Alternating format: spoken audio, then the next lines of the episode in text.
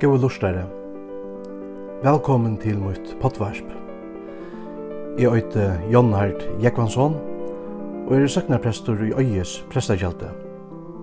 Om seg sjálvan sier Jesus, Jeg er vevren og sannløyken og løyve. Ønsker kjem til feiren, åtta mi mer. Akkurat støva i fyrir Jesusa, hever avløykans fylkjer fyrir jokkon. Vi mittel anna praktikon, bibliotøymon og fyrelestron, ikkje tøy vi hesson potvarspe, at varspa jaus og Jesus, og av glei på skapen om han. God sikning.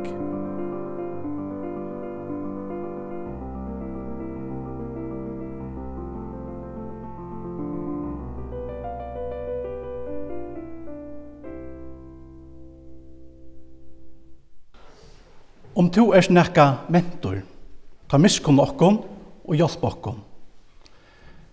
Hesa bønna kjenner vi så øyliga vel. Akkurat lov herra falt er så skrøypeligt. Og ofta må vi bia herran om hjelp og gjøre nei.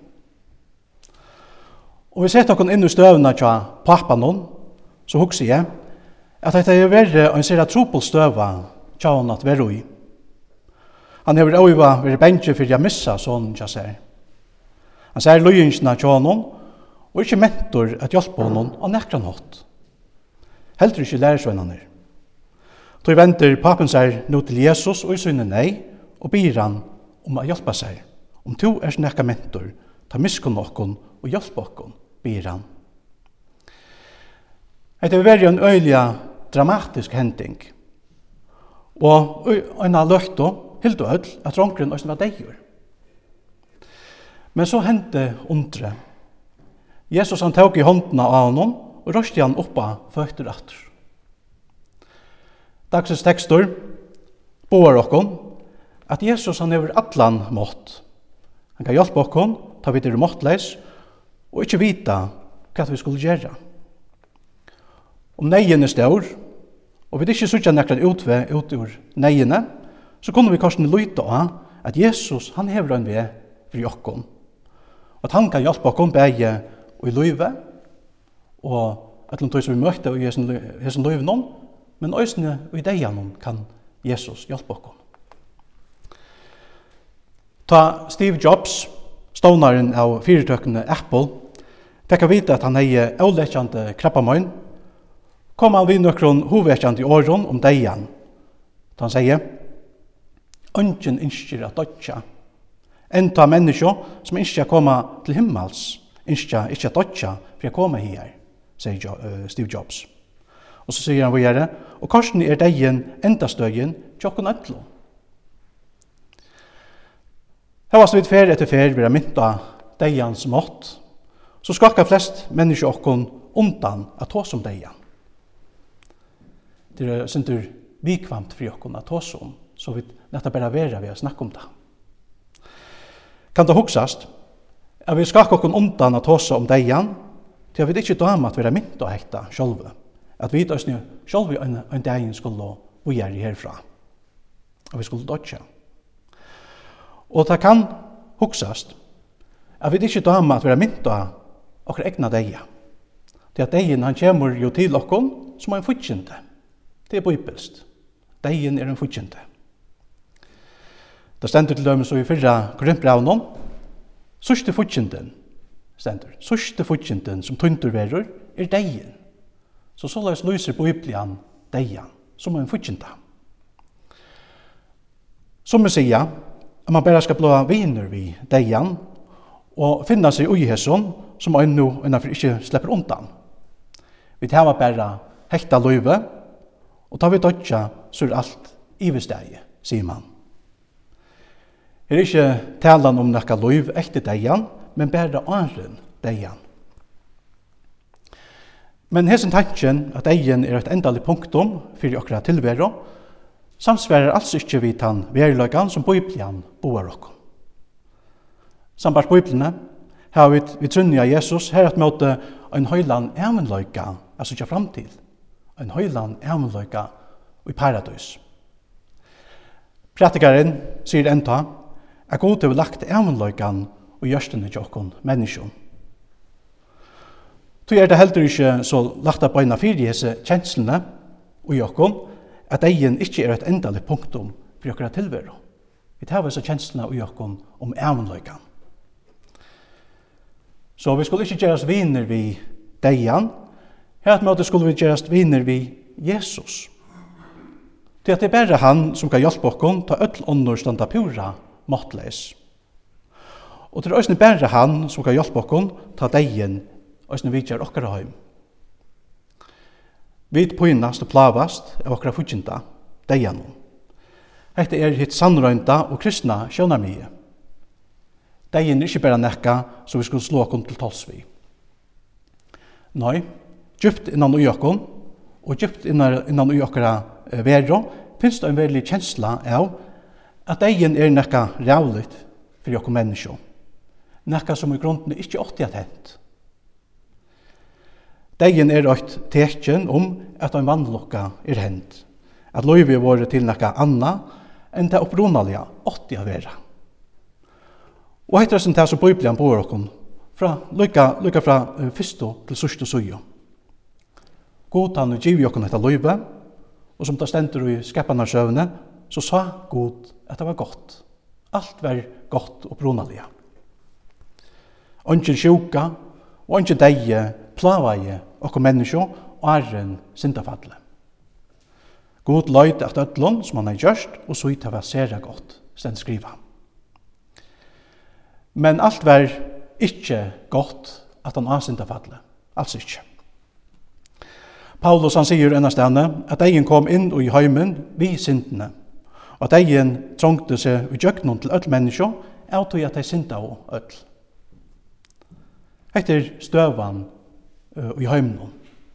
Tar, deie, sorg, skrutsk og pynsla, gjør seg galdande kvendja i hesen heimnum.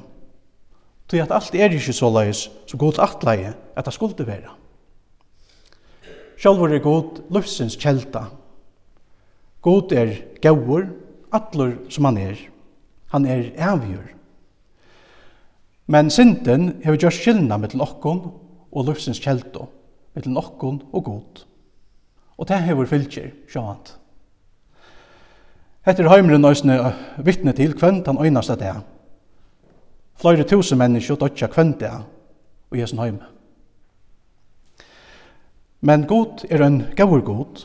Han vil ikkje at vi skulle dødja, Nå her at måte vi land at vi skulle liva i at der er sammen vi hånd. Han vil ikke at vi skulle lya. Han vil alt godt vi okkom. Etta leser vi tøysni om tja profeten Ezekiel, her god sier, Man er hava ho at deia hins godlesa, nøy, men at han venter om fra sin, sin, sin, sin vonda veie, så at han må liva, stendur tja Ezekiel. God innskir altså at vi alt skulle liva, Og tog hever han òsne sendt Jesus, løfsins herra, inn i endan heim, for jeg bjerg okkon aktor til ta løyve som han av høylund hjersta vil djeva ter og mer. Av et løyv, sama vi hånden heima og himle. Og i møten noen vi deian hentan futsindan, så vi ikke slipper undan, og jeg vet altså en vin som berge kan, kan og vil òsne hjelpe okkon. det sier til dømes, til kjente årene, i salme 23, «Gentje i dimon dølun, ondje ilti øktest, tui tu erst vi mer, tui stavur og tui kjeppur tar ukka med». Vid øya øyna vevn, mitt i jesum dimma dalen, mitt i deian. Enda vevnen er grunda av årene, tui tu erst vi mer. Guds nærvera og vinarband vi okkon er okkara vevn og i tar man dimma dølen i okra løyve. Og i dagsens tekste har vi tørst om neina tja i noen pappa. Han sa løyingsna tja sin egna sånne, og vær nu bengje for jeg missa sånnen.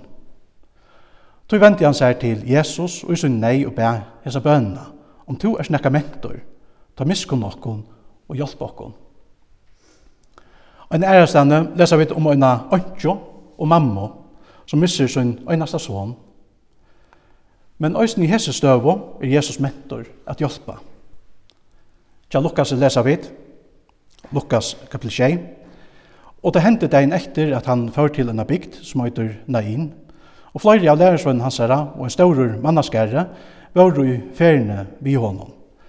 Men ta i han narska i spikdalinon, så i ta hver en deir borne ut, som var øynaste sonur tja maursønne, og han var ønskja, og staurer skære ur bygdene fylltes vi henne. Og da i Herren sa henne, takk til henne hjertelig synd i henne, og han sier vi henne, grat ikke. Og han gikk fram et løkbørene og nevn vi henne, men tar som bør og stekka av henne. Og han sier, unge mævor, jeg sier til her, røys de opp, og den deie settes opp under seg og tok at tjene. Og han gav mævor hans herre han. Men økte kom av ødel, og de lova av gode og søtte og større profeter risen opp akkurat middelen, og god til å vidtja folksutt. Det var ein sirkelig støv av åndsjene og i inn. Hun var åndsja, og i mån til pappan som vi hadde hørt om i dagsens tekste, hei enda mamman nu òsne mist, sånn ja seg. Men ta Jesus sa hennar son vera barnan ut, tjøk noen bojar postre, og ta han sa neina tja åndsjene, så lesa vi at Jesus tok hjertelig sint i henne, og sier vi henne, græt ikkje. Og samme hatt sier han også okkara støv og i det. Han teker hjertelig det sint i okkon, ta vid loja og syrkja, og så sier han også vi til med, græt ikkje. Det kan tidsas løye, sier græt ikkje, vi tar som syrkja og gratta. Men dette er fyrst og fremst år som vi har sett i samkjenslo. Og samme hatt som ta en mamma eller pappa, og er så et grattande baden, torskar tærene av kjolken hon, og sier, gratt ikkje gaua, eller gratt ikkje gaua. eller som vi synger i øynene kjent og salme, ber øy som drotten raslo og i mitt sinn, men bråsa bløyan, kun mer tar av kinn. Læt mykje tær, vi djup og salar tra, mer finna ukka, godmoin, ver mer tja. Kun mer tar av kinn. Ta Jesus trøster okkon og sier «Gratt ikkje», så er dette en trøst, så vidt verliga kunne til okkon okkon.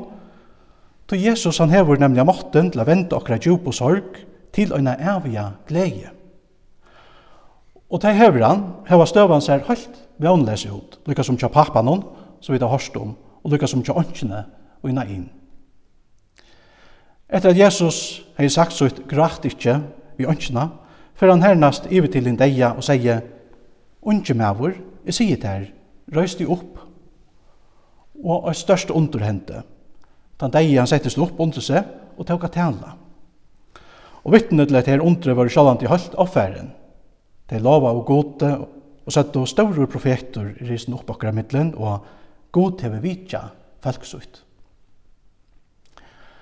Og just dette er, er grunnene gledebåskaperen God han vidjer okkon, vi har senda Jesus, heimsins frelsera, han som kan vente okkara sorg til glede, okkara og òsne, til jaus, og enda okkara deia til loiv. Hetta var ein nakka som ønskja slappa suttja enda deien og nein. Jesus sa henne nei, og han tok hjertelige synd til henne. Og da Jesus sier græt ikkje vi henne, da er det ikkje tøvm år som han kjemur vi, til at han kan velja gjera nekka vi støvna. Og da han sier vi en deia røyste opp, så henter eit opprøsnar ondur, vekna skapar meina og Jesu åro. Jesus han hever atlan mått, beie av himne og av jør. Og etter samme gjør seg Øystein Galtante, uh, og i skapan hømsens. Godan sier, verja oss, og ta verja oss. Godan skapar vi som året. Han skapar liv vi sin morse.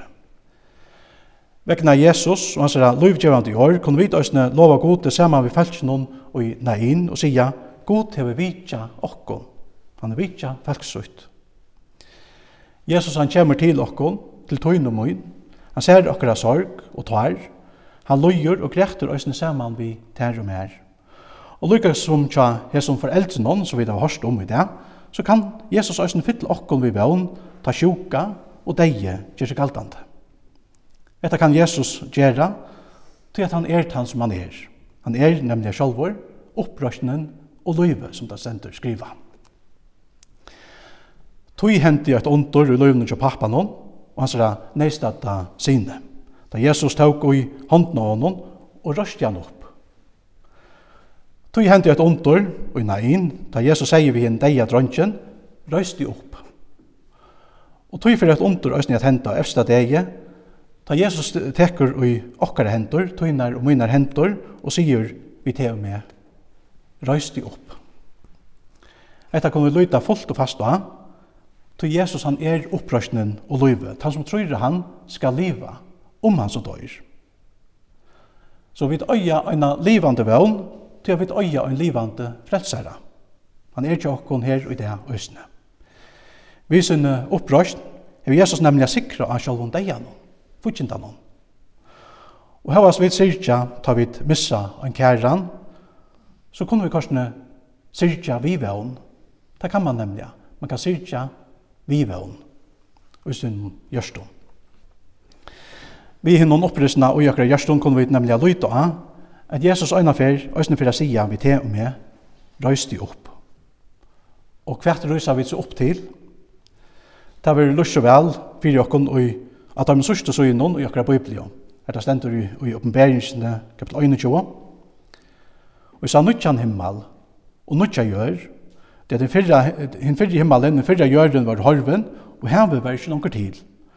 Og jeg sa stegen høyleia, hitt nutja Jerusalem stod jeg nyr av himne fra gode, bjonan som broer, og i skrutt fyrir mannens øynon. Og jeg hørte herre rest fra hasetten som sier, så i kjalpe gods er tja menneskene, Og han skal bygge tjataimon, og de skal være feltkansere, og god sjølver skal være tjataimon. Og så stender, og han skal torska kvørst her av egen døra. Deien skal ikke langt være til, ikke heldur sorg, ikke heldur skrudj, ikke heldur pynsla skal langt være til, tog et fyrra er færre. Det kommer en dævor, ta det verlig kan sigast, at et fyrra er færre.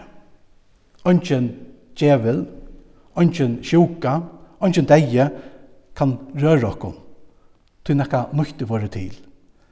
Nekka som vær i atler avir, og som vi tog òsne kom at njóta i atler avir. Heit er det som Jesus, løftes herre, er kommet for at djeva ter og mer. Og han er vurs okkom at han hever begge viljan og måtten til å gjøre det her til fullnær.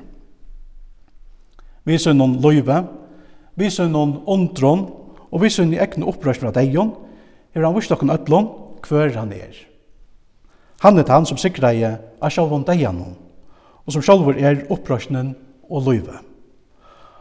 Og vi trunne av han kom vi lyda fullt og fast av han, at vi døysene skulle få lot i opprørsene og hinnom avja løyvene.